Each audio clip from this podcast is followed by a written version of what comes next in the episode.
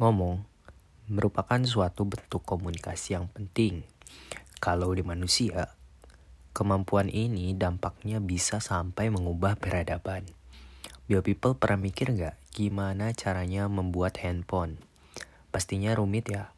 Perlu yang namanya kaca, baterai, kamera, dan lain sebagainya. Pernah nggak sih bio people kepikiran gimana kalau orang yang menemukan cara membuat kaca nggak ngasih tahu cara pembuatannya ke orang lain? Mungkin ilmunya akan hilang begitu dia meninggal. Mungkin juga kalau kayak gitu, handphone yang kita pegang sekarang ini nggak pernah bisa dibuat. Nah, sehingga berbicara itu penting untuk menyampaikan informasi ke orang lain yang mana Dampaknya ini secara tidak langsung ngasih kontribusi yang besar pada peradaban manusia.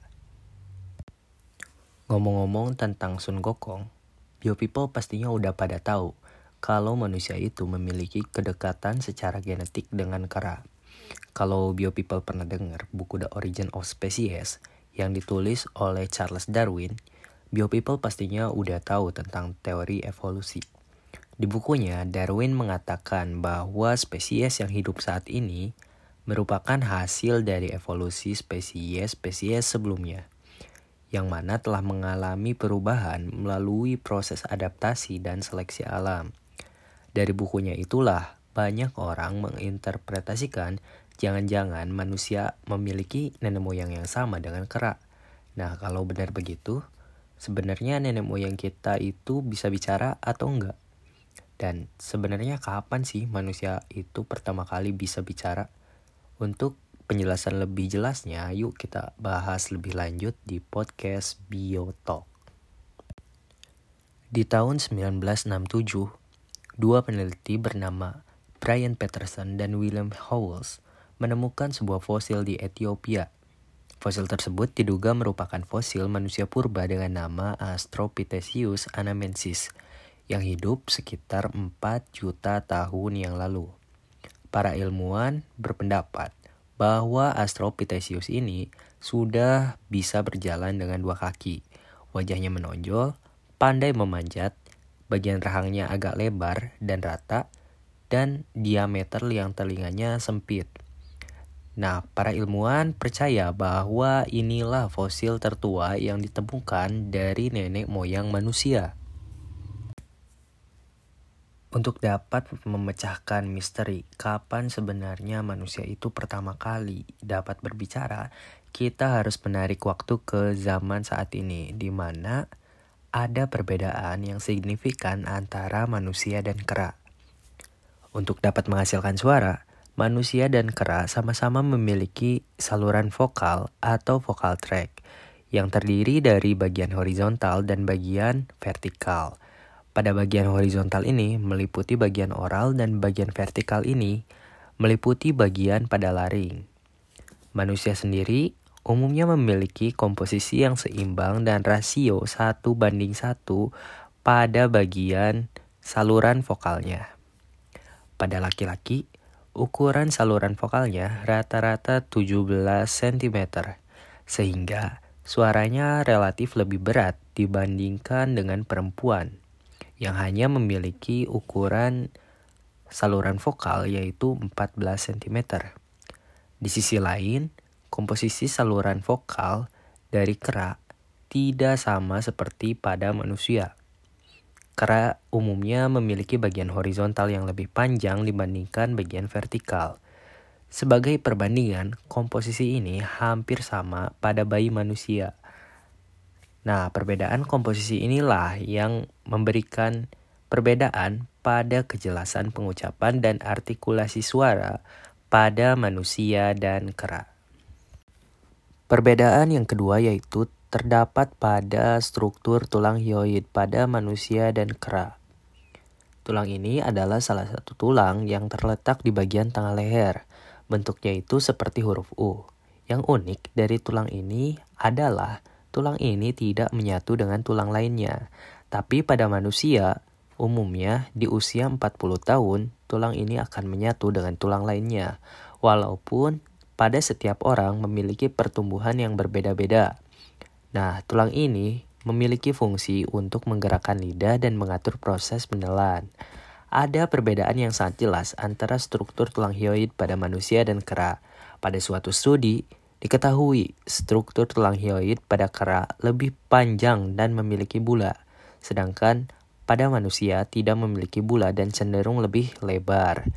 Nah, kembali lagi ke tahun 1967, fosil yang ditemukan di Ethiopia ini berdasarkan struktur tulang hyoidnya ia lebih mirip dengan simpanse. Sehingga diperkirakan bahwa Astropithecus ini tidak dapat ngomong seperti layaknya manusia saat ini. Sehingga para ilmuwan berpendapat bahwa saat itu Astropithecus hanya dapat mengeluarkan suara-suara sebagaimana kera pada umumnya. Perbedaan selanjutnya yaitu pada kantung udara. Di dalam ordo primata, hanya manusia dan beberapa jenis oa saja yang tidak memiliki kantung udara. Spesies-spesies yang memiliki kantung udara inilah yang dipercaya sebagai spesies yang lebih tua dari pandangan evolusi. Kantung udara sendiri berhubungan langsung dengan tulang hioid, tulang rawan tiroid, pita suara, serta bagian-bagian lainnya di laring. Fungsi dari kantung udara sendiri masih menjadi misteri di kalangan peneliti. Ada yang berpendapat bahwa kantung udara ini berfungsi sebagai tempat menampung udara dan meningkatkan kapasitas oksigen. Pendapat lain mengatakan bahwa kantong udara memiliki fungsi sebagai ruang resonansi dan pengubah forman vokal. Nah, yang jadi pertanyaan, kenapa manusia nggak memiliki kantung udara? Hal ini terjadi karena manusia menggunakan suara yang kompleks, seperti contohnya bahasa. Suara-suara kompleks yang dihasilkan itu lambat laun berdampak pada pengecilan kantung udara.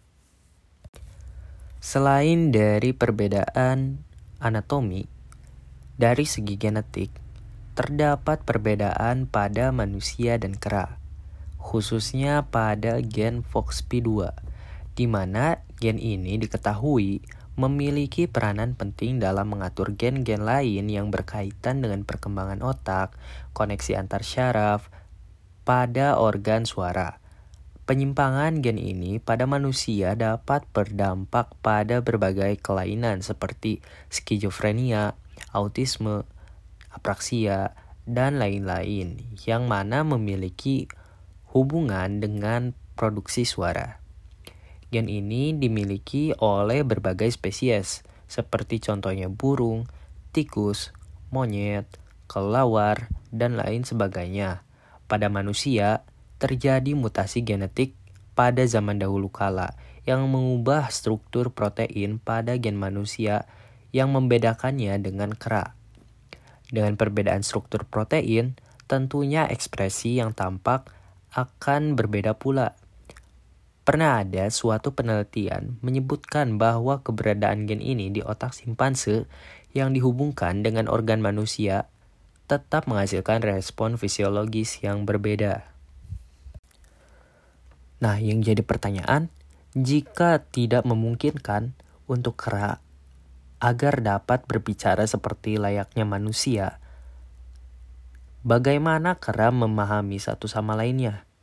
Jawabannya, Umumnya, kera saling berkomunikasi melalui vokalisasi dan gestur tubuh. Contohnya, ketika ada predator, biasanya sang pemimpin kawanan atau alpha male-nya akan mengeluarkan suara-suara yang disebut dengan alarm call untuk memperingatkan kawanannya agar cepat lari atau menghindar dari kawasan yang terdapat predator tersebut. Nah, kemudian apakah manusia dan kera bisa saling berkomunikasi? Sampai saat ini, komunikasi antara kera dan manusia dapat dilakukan menggunakan American Sign Language atau ASL atau juga bahasa isyarat. Kalau teman-teman pernah lihat atau dengar mengenai gorila koko, gorila koko ini menggunakan bahasa isyarat untuk berkomunikasi dengan manusia. Cara lain untuk berbicara dengan kera dapat dilakukan menggunakan leksigram atau sebuah papan yang memiliki simbol-simbol khusus yang mana simbol tersebut memiliki makna seperti makanan, kemudian kata kerja, dan lain sebagainya yang dapat dipahami oleh manusia dan juga cara melalui proses belajar. Nah, jadi kapan sih pertama kali manusia bisa bicara? Sebenarnya belum jelas juga kapan pertama kalinya manusia bisa bicara seperti saat ini. Terdapat banyak sekali teori yang mencoba untuk menjelaskan permasalahan ini, baik dari bidang biologi, psikologi, filosofi, dan ilmu-ilmu lainnya. Namun, teori yang paling kuat menyatakan bahwa berdasarkan kapabilitas fisiologis dan genetiknya, manusia yang pertama kali dapat berbicara adalah Homo neanderthal, yang mana pada saat itu sudah dapat hidup berkelompok dengan jumlah yang cukup banyak yaitu sekitar 120 individu perkawanannya sehingga diharuskan untuk berkomunikasi antar individu. Nah, jadi kemampuan bicara ini sebetulnya hanya dimiliki oleh manusia itu sendiri Walaupun kera memiliki kedekatan genetik yang cukup besar dengan manusia, kera tidak bisa berbicara selayaknya manusia. Hal ini dikarenakan adanya keterbatasan dari fisiologis dan juga genetik pada kera yang tidak serupa dengan manusia. Oleh karena itu, kemampuan ini hanya dimiliki oleh manusia saja. Itulah yang menjadi akhir dari bahasan kita kali ini. Jika BioPeople memiliki saran mengenai topik-topik yang harus kita bahas di episode selanjutnya, boleh tinggalkan di komen dan jangan lupa subscribe podcast BioTalk. Terima kasih.